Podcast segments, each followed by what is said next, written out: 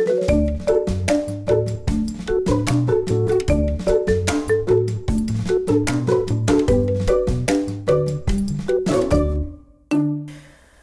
två år sedan gjorde vi ett avsnitt med patientorganisationen Föreningen Blödarsjuka i Sveriges kvinnoprojekt och pratade om deras arbete med att sprida kunskap om kvinnor med blödarsjuka.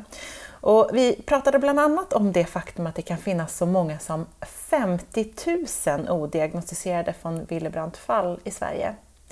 I många fall är det kvinnor som får höra att det där med att de blöder mycket när de har mens, det är bara naturligt och så blir det ingen vidare utredning om det. Tanken är att vi ska följa upp det här och ta reda på hur det har gått för det här projektet. Det kommer vi att återkomma till senare i vår. Men under researcharbetet med den här uppföljningen så hittade producent Estrid den här berättelsen i en Facebookgrupp. Jag har von Willebrand typ 1, en diagnos som jag fick först vid 29 års ålder. Diagnosen fick jag efter att min dotter fick halsfluss och spydde blod och efter det fick vi reda på att hon hade von Willebrand. Jag vet hur svårt det är att få rätt hjälp och diagnos. Jag har haft symptom på att vara blödarsjuk ända sedan barnsben utan att någon har uppmärksammat att något var fel. Den som skrev det, det var Emma Hemberg och henne är vi på väg att träffa nu, en dryg mil söder om Lidköping.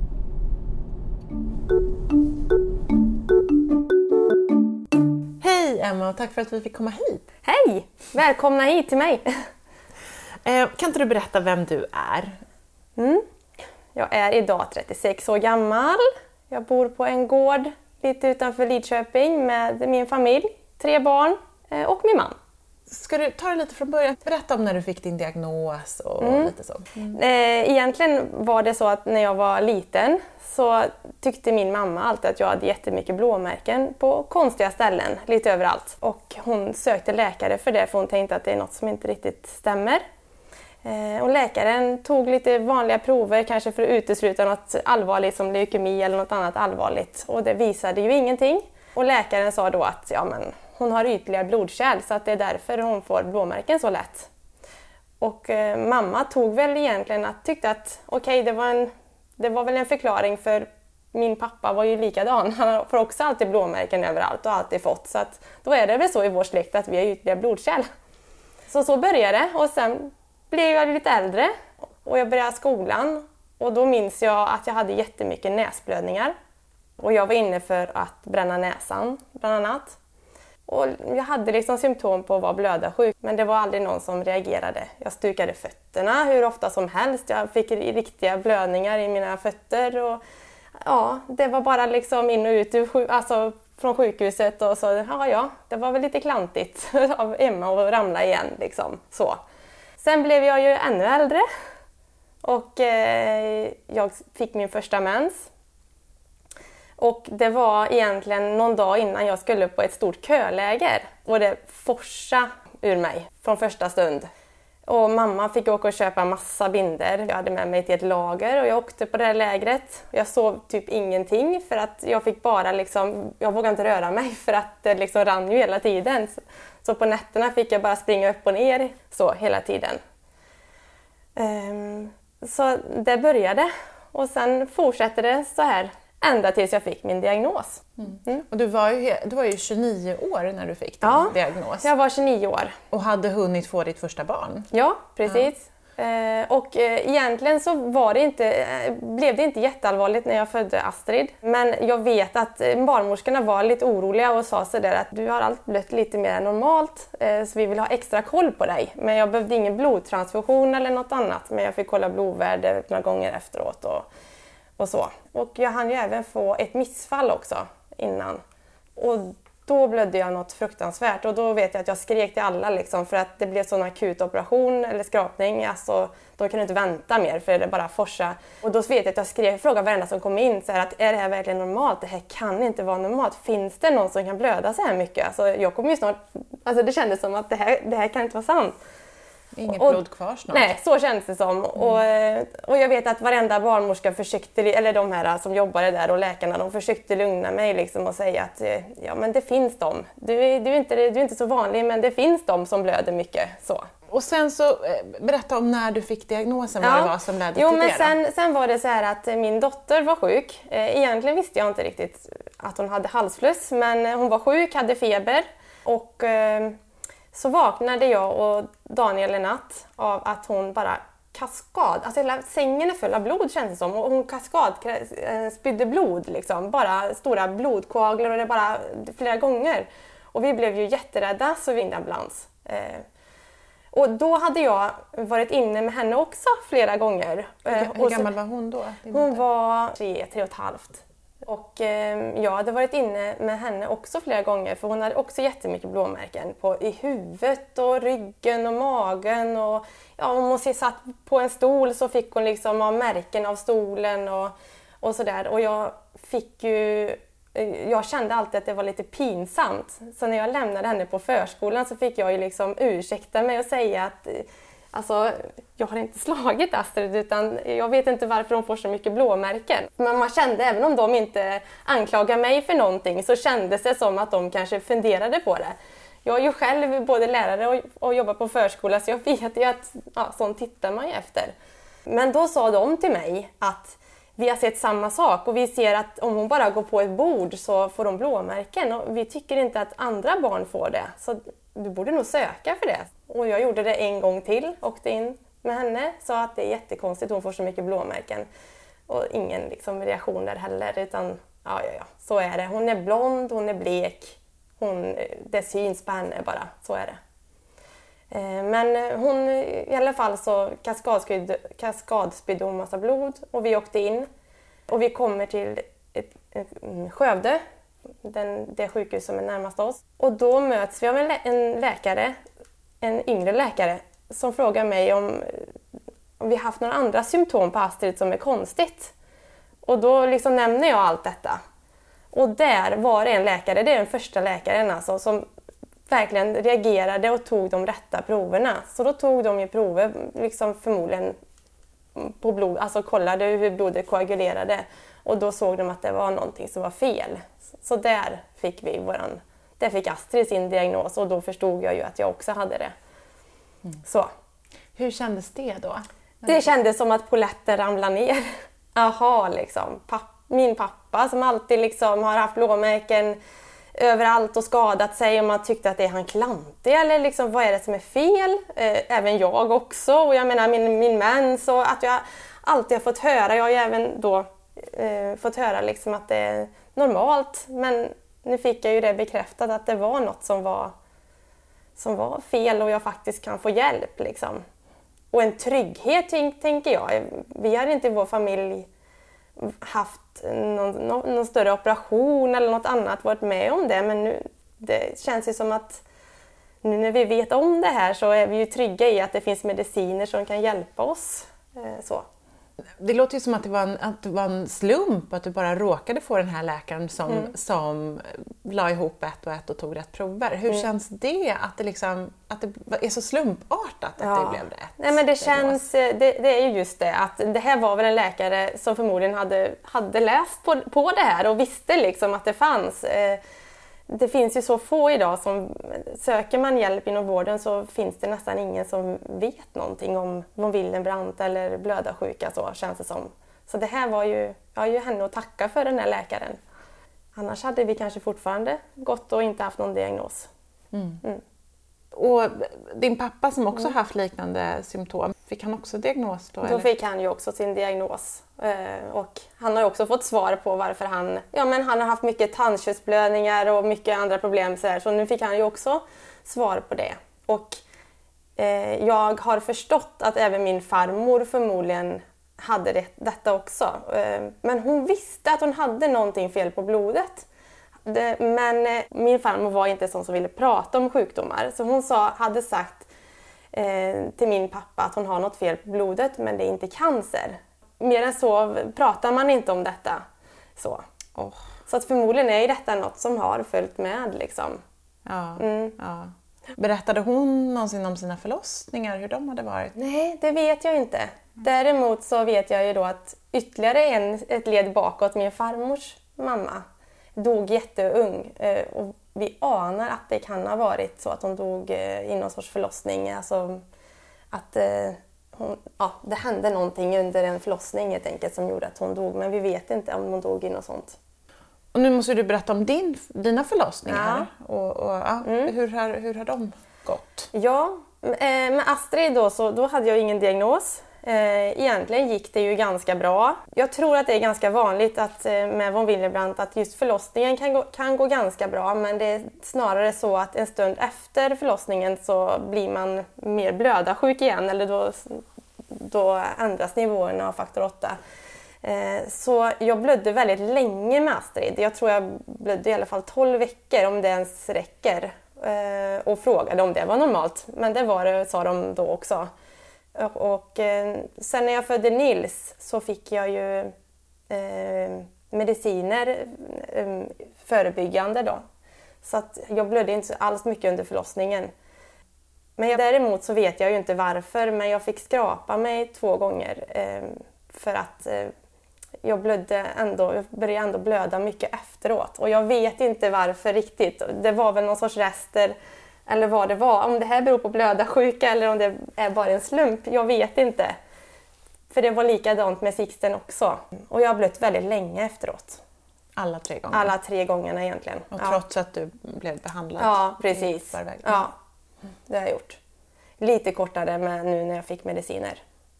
Kan jag säga. Ja. Mm. Har du fått några reaktioner från vårdpersonal som behandlat dig tidigare? Nej, innan du hade nej ingenting. Eh, egentligen så kanske jag inte har träffat dem direkt så. Eh, för att när jag var yngre så sökte jag ju jättemånga gånger på, på ungdomsmottagningen och de träffar man ju inte sen. Eh, och sen tror jag att jag accepterade ganska mycket att eh, det var, läget var som det var. För det var ju när jag var yngre som jag, jag gick till ungdomsmottagningen och, och de garanterade mig att det här är normalt. Är man liksom, du, en del har tur att blöda två dagar, en del har otur att blöda alltså 8, 10, 12, kanske till och med 14 dagar. Alltså, och en del blöder jättemycket, en del blöder lite. Och jag råkade vara den som blödde jättemycket. Hur känner du för det, att du fick höra så att det, det här är helt normalt? Nej, men jag, känner mig, jag känner att det är lite bittert. Att hur svårt kan det vara att bara kolla upp detta? Det är ju bara ett blodprov och så det, borde ju, det finns ju hjälp. Ja. Fick du någon gång frågan hur mycket du blöder? Alltså en eh. följdfråga på... Ja, jag tror kanske inte att de frågade så mycket utan det var väl mer att jag försökte säga att jag tyckte att det var jättejobbigt. Alltså att jag fick liksom gå upp hela, flera gånger per natt och byta binda och det fanns inget som räckte. Och det kändes ju som att när man ställde sig upp så bara det forsa liksom. Eh, försökte förklara liksom. Men egentligen tror jag inte de lyssnade riktigt på det då. Jag hoppas att det är annorlunda idag. Så. Mm. Hur hade det funkat? Du har ju varit inne på det lite tidigare. Mm. hur hade det funkat för dig fram tills att du fick diagnos med, med mens och Eh, och så, liksom praktiskt i livet. Ja.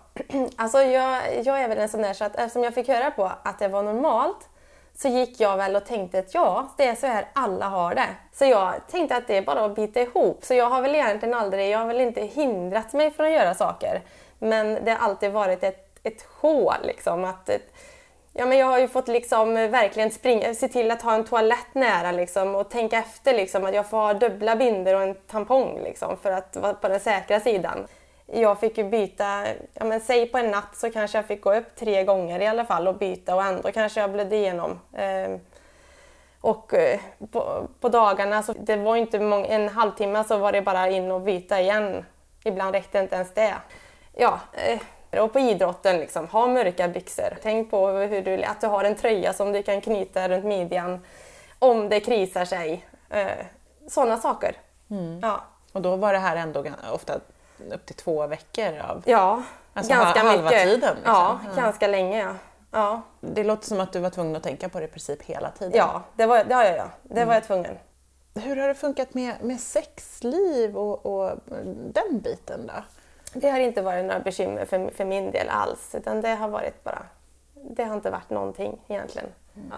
Um, men så din dotter Astrid mm. är också diagnostiserad. Mm. Och de andra barnen då?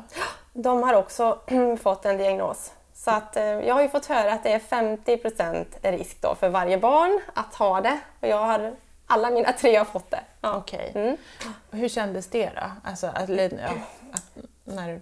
Alltså nu känns det faktiskt så att ja, men, nu är vi så inne i det här. Alltså, det känns som att eh, vi är såna här. Alltså att jag är ganska van vid det. Jag, det är liksom något som jag kan hantera och jag känner mig, ganska, jag känner mig otroligt trygg med att eh, med Göteborg just att vi kan ringa, och händer det någonting med mina barn och så, så kan jag ringa dem och få hjälp.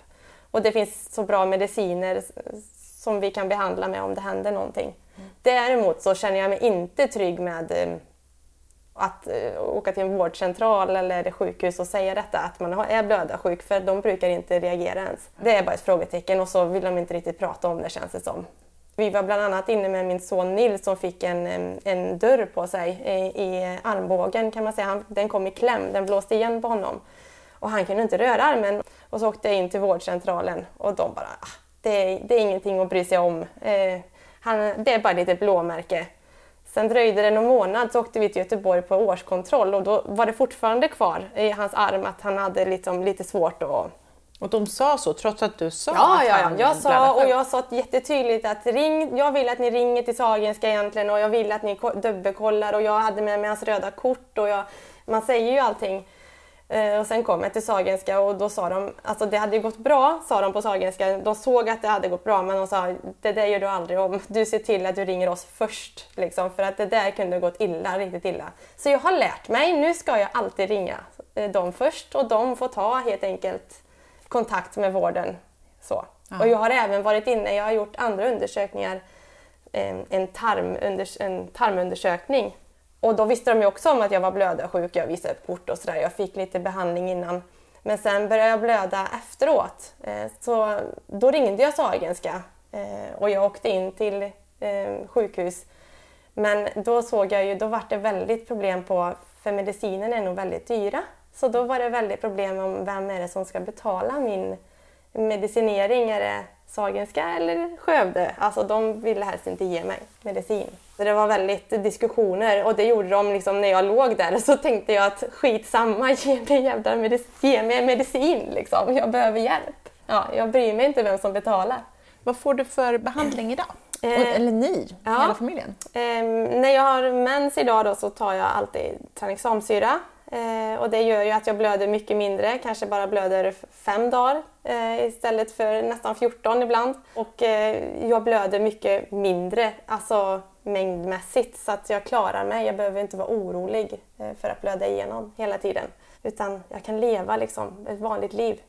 Och eh, sen har vi även hemma läkemedel som är för om det händer en, något allvarligare olycka så kan vi, som vi kan ta. Både en nässpray och en spruta som vi kan vi kan åka in och ta på sjukhus. Mm. Mm. Och det är, det är samma för dig och barnen där det gäller? Ja, precis. Ja. Det är samma. Mm. mm. Barnen tar inget förebyggande? De tar inget förebyggande, utan det är mer när det händer någonting.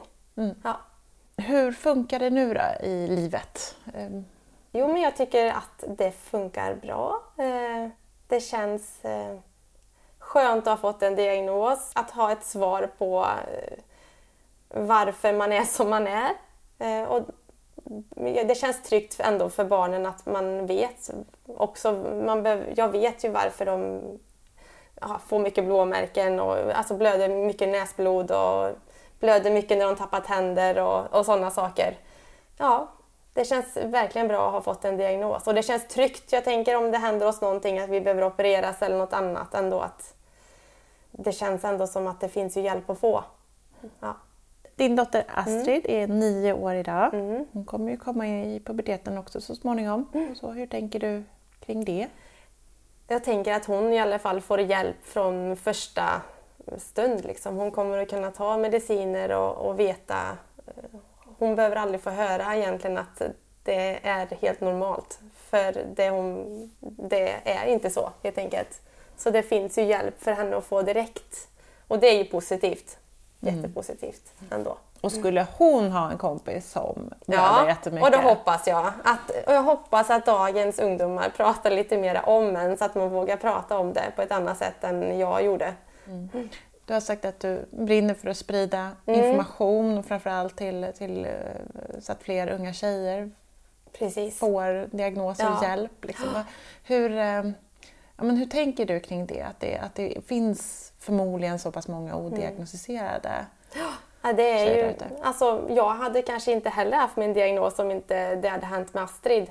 Eh, så att eh, det måste ju finnas massor utav eh, kvinnor här ute i landet som söker efter, alltså har sökt hjälp för att de blöder så mycket och har fått, som jag, alltid fått höra att ja, men det är normalt, du har otur. Men det är ju inte det. Och eh, det känns lite typiskt att det, det är kvinnor liksom som eh, inte riktigt får den här hjälpen som vi behöver ha. Ibland tror jag nog att det kostar lite för mycket att eh, ge alla kvinnor de här... Den, den, det är 50 000 kvinnor i Sverige som inte har fått diagnos. Eh, och det, det, jag tror att det kan kosta ganska mycket eh, att ge alla dessa kvinnor en diagnos. Så att man har stoppat lite huvudet i sanden. När du tänker på det, vad får du för känslor då? Ja, det är bittert. Det är liksom eh, hur, eh, alltså hur det ser ut egentligen, att, eh, att det får vara så här. Hade det varit så om det hade varit män som hade blött mycket? Jag tror inte det. Fler, jag brinner för att fler ska få sin diagnos. Kunna få hjälp, för det finns hjälp att få. Emma, tusen tack för att vi fick prata med dig. Tack så mycket! Kvinnoprojektet som jag nämnde i början är alltså ett projekt inom ramen för patientorganisationen Förbundet Blödarsjuka i Sverige, FBIS. Och nu ska jag träffa Monica Westerberg, FBIS ordförande, för att höra med henne hur hon ser på det här med okunskapen kring blödarsjukdomar. Hej Monica och tack för att vi fick komma. Välkomna hit och det är jätteroligt att ni ville komma. Ja, jag ska säga att vi är ju här på din arbetsplats, en förskola i Göteborg. Ja, ni har lite barnskrik i bakgrunden kanske. så är det. Du har ju fått höra Emmas berättelse. Vad har du för tankar om det som hon har varit med om? Jag skulle önska att hennes berättelse var unik, men tyvärr är den inte det.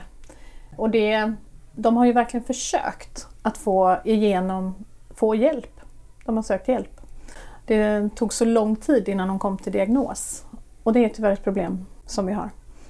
Det är jättemånga som har det problemet. Generellt är den längre än vad den borde vara kanske man kan Mycket, säga. mycket längre.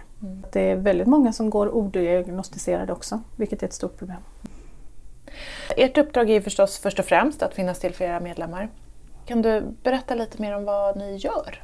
Ja, eh, vi är ju i nuläget ungefär 1600 medlemmar och vi eh, tar ju vara på om de har synpunkter, idéer, problem. Men framförallt så vill vi göra aktiviteter där de kan samlas och möta andra i liknande situationer. Eh, vi har ju eh, till exempel sommarläger, vi har eh, en klimatresa vi gör vartannat år. Vad innebär det? Ja, det är ju att de ska kunna åka under säkra former. För många kan inte resa utomlands för att de är rädda för att de ska få en blödning. Så att vi har en, ser till att vi har med sjukvårdspersonal och gärna en sjukgymnast som kan hjälpa till så att de kan träna leder i en bra miljö. Då har man också stickträning så de kan börja lära sig, de yngre barnen och så kan lära sig att ta ansvar för sin egen medicinering. De här sommarlägren, innehåller de också sån här stickträning och lite sånt där ja, men, som har med, med sjukdomen att göra? Absolut, och den är ju så viktig. Det här sommarlägret har man ju hört. Det är många som får kamrater för livet när de är där. Och eh, bara det här att få träffa andra och vara helt vanlig en vecka på sommaren. Och föräldrarna kanske faktiskt kan få åka iväg och göra något eget också. Och känna sig trygg med att där finns det kunnig eh, sjukvårdspersonal. Vad är det för frågor som medlemmar eh, kommer till er med? Det kan ju vara bekymmer de har haft med vården till exempel. Eh, Det kan vara problem, de kanske söker vårdbidrag. Eh, Nu håller de ju på att förändra mycket med sjukersättningar och sådant och det märker vi ju. Det har ju en del hört av sig om. Så försöker vi rådgöra hur man kan göra eller vem man kan vända sig till och sådär. Hur ser du på förbundets roll när det handlar om att sprida kunskap? Ja, den är ju jätteviktig. Det är ju en av de största rollerna vi har. Så är det ju att stödja kunskap, både ut till våra medlemmar men också ut i samhället. Och påverka politiker och visa att vi finns och att vi behöver hjälp och stöd. Eh, och hur gör ni? Hur jobbar ni med det? Ja, vi har till exempel en intressepolitisk grupp som läser remisser och sånt och kan också svara på saker som kommer från andra. Eh, vi jobbar med ehm, Funktionsrätt Sverige, vi är ju en av deras organisationer och eh, då kan vi samarbeta med dem när det gäller någonting, att man ska upp mot politiker och så. Eh, det har varit en utredning nu om hemofililäkemedel. Då har vi varit med i en grupp så vi har varit uppe och pratat med TLV om det vad får ni för gensvar från, från vården till exempel för det ni gör? När Vi har fått väldigt positivt till exempel från kvinnoprojektet som har varit. Då var vi ute mycket och föreläste för vården. Det har vi fått väldigt mycket positivt ifrån så det känns väldigt roligt. Men vi försöker hela tiden ha, vi har samråd med koagulationsmottagningarna ett par gånger om året. Vi har ju också med läkare i vår styrelse i Aroseniusfonden och vi försöker att hela tiden höra vad de vill ha, vad vi kan göra från våran sida. Men vi upplever tyvärr en väldigt stor okunskap när man kommer till akuten eller så. Jag, jag och min dotter har själv råkat ut för det när man kommit dit och de inte har en aning om vad det är för sjukdom hon har. Akutmottagningarna är ju mycket svårare att komma åt för oss. Vi träffar ju inte dem som vi gör med koagulationsmottagningarna. Eh, men vi försöker, vi står på skolsköterskemässan till exempel. Vi försöker stå på eh, barnmorske de har också mässor, så där har vi deltagit några gånger. Och försöker vara med och visa vilka vi är och vad, vad det finns för behov helt enkelt. Samarbetar ni med patientorganisationer internationellt också? Eller? Ja, vi samarbetar ganska mycket. Ja. Vi har ett nordiskt äh, möte som vi har en gång varje år. Sist nu så var vi i Finland förra året och då hade de gjort ett speciellt för ungdomarna, ett speciellt spår. Så det var också väldigt bra för då kom ungdomarna igång också och träffades ännu mer. Sen har vi också europeiskt samarbete. Vi åker till exempel på EHC. Vi åker även till VFH som är världskongresserna. Och ibland är man till och med med och ställer ut någon poster eller någonting som vi vill visa vad vi har gjort då. Sverige ligger ju väldigt långt framme i mycket. För vi har ju ändå en väldigt bra vård. En del har ju inte eh, någon medicin att tala om, kanske inte ens när de har en livshotande blödning. Så att eh, det är väldigt olika. Men vi har ju också många olika blödningsrubbningar i förbundet och även eh, som jag då sitter för ITP internationellt. Vi träffas ju också och där är också lite mer likhet. Det är dålig vård generellt överallt nästan. Så det, det finns väldigt mycket att jobba på. Mm. Mm. Men det är väldigt bra att ha internationellt utbyte för där får man väldigt mycket bra idéer och eh, tips om hur man kan jobba vidare och hur andra har gjort. Så vi är bra på att dela med oss och vi sprider gärna det som vi har gjort som är lyckat och det tar andra till sig. Likaså gör vi att vi tar till oss av vad andra har lyckats med. Om vi ska återknyta lite till Emmas berättelse Eh, så läste jag att nya internationella riktlinjer för diagnostisering och behandling av von Willebrands sjukdom är på väg att tas fram. Är det någonting som du vet mer om? Jag känner till det, jag kan inte säga att jag vet så mycket mer om det, men jag känner till det och jag ser väldigt positivt på det. Eh, så ju mer kunskap och ju mer riktlinjer och sånt som finns desto bättre är det för oss. För då har vi någonting att ta på och vi kan säga till våra medlemmar att ta med er det här när ni går till läkaren och så. Mm. Vi skulle jättegärna vilja ha ett register så att man kunde veta hur många finns det som har den här diagnosen. Och, för då kan man också på ett annat sätt eh, med forskningsstudier och allting så att det skulle vara jättebra för oss. Hemofili har ju startat ett men nu så vill vi ha för de andra blödningsrubbningarna också. Mm. Vi har ju en systerpodd i, i Norge också, Blodigt allvar heter den. Eh, och där berättar de i höstas om ett norskt webbverktyg för vårdpersonal inom eh, primärvården där de eh, ganska enkelt kan få information om olika ovanliga diagnoser. Eh, det kanske skulle gå, kunna gå att översätta till svenska tänker jag och om flera patientorganisationer som representerar olika sjukdomsgrupper tog initiativ till. Vad, vad, vad tänker du om det? Och jag tycker det låter jättespännande och det är någonting som vi absolut måste kolla upp mer för det låter ju som en väldigt bra sak. Och det kan ju vara någonting till exempel för Funktionsrätt Sverige att ta tag i då. Saker som gör det enklare att, äh, ja, att hitta rätt för ja. vårdpersonal helt enkelt. Ja, det mm. hade ju varit väldigt, väldigt bra. Mm. Och ser man till alla blödningsrubbningar så pratar vi inte längre om eh, ovanlig sjukdom. Nej, det gör vi ju faktiskt inte. Ehm, och Eh, sen är det ju så att vi har ju liknande problem med de här blödningsrubbningarna. Man får problem och speciellt kvinnor får ju problem med mens. Eh, och det är mycket slemhinneblödningar för en del, en del får problem med bagblödningar. Och sen är det ju alla de här ledblödningarna för de klassiska med hemofili, även från Willebrand. Så att det finns många olika sorters blödningar och vi får olika problem. Men vi kan ju därför ha väldigt mycket hjälp av varandra och stöd. Vilket känns väldigt viktigt. Och nu i år ska vi göra en stor aktivitet där vi samlar alla diagnoser oavsett kön, ålder och så det känns väldigt, väldigt roligt. Vad ska ni göra då? Vi ska till Aronsborg utanför Uppsala och eh, där har vi ordnat en, en temahelg med rörelse, kallar vi det. Så är det mycket positiv energi och, som vi ska få eh, ta vara på. Så vi har många fina föreläsare. Så att det ska bli jättespännande. Och vi ska naturligtvis få höra mer om de olika sjukdomarna och hur man kan hantera dem på ett bra sätt. Mm. Ni är med och stöttar forskning också, bland annat genom Arosenius-stipendiet som eh, vi har uppmärksammat flera gånger i eh, Blödigt värre. Hur ser du på den forskning som bedrivs idag? Eh, hemofili forskas det ju flitigt på och det kommer ju mycket nya mediciner inom det området. Nu har ju många som har hemofili en väldigt bra eh, behandling. Men eh, det finns många andra i våra förbund som inte har det. Men vi har ganska nyligen hört att Karolinska institutet har forskat om mens och von Willebrand, vilket känns väldigt spännande. Eh, även i ITP eh, forskas det om. Det var en grundforskare om ITP som fick vårt senaste stipendium till exempel från Aruseniusfonden. Genterapin kommer ju nu också. Det händer saker inom området. Men vi tycker ju naturligtvis att det måste bli fler som forskar och vill forska. När du tänker på hur många som förmodligen går runt och är odiagnostiserade, kanske hela livet eller åtminstone väldigt länge, vad får du för känslor då? Jag blir lite orolig ska jag säga faktiskt. För att jag tänker att om det händer någonting, till exempel är det ju många kvinnor som går odiagnostiserade. Om de kommer att få en, en förlossning som går snett. Nu i Sverige så har ju de allra flesta föder på eh, BB och inte hemma. Men eh, det kan gå väldigt fel fort, liksom, att man kan bli väldigt, väldigt uh, dålig och förlora väldigt mycket blod. Och framförallt, tänk om det händer en olycka och du inte vet om att du har en blödarsjuka. Hur tänker du på framtiden? Är du optimistisk? Ja men det är jag absolut. Vi ser ju att det pågår forskning och det händer mycket. Vi har engagerade medlemmar. Vi vill saker uh, i förbundet också. Vi har hela tiden uh, nya idéer om vad vi vill hitta på och det går framåt. Så jag är optimistisk och jag ser ju att det kommer många nya mediciner och mediciner som tas på ett annat sätt än vad det har gjort förut. Uh, det, händer, det händer mycket. Det är positivt. Men eh, jag hoppas ändå på att det blir ännu mer forskning och att vi får bra register, för det tror jag kommer spela stor roll. Tack Monica! Tack så mycket, det var roligt att vara med.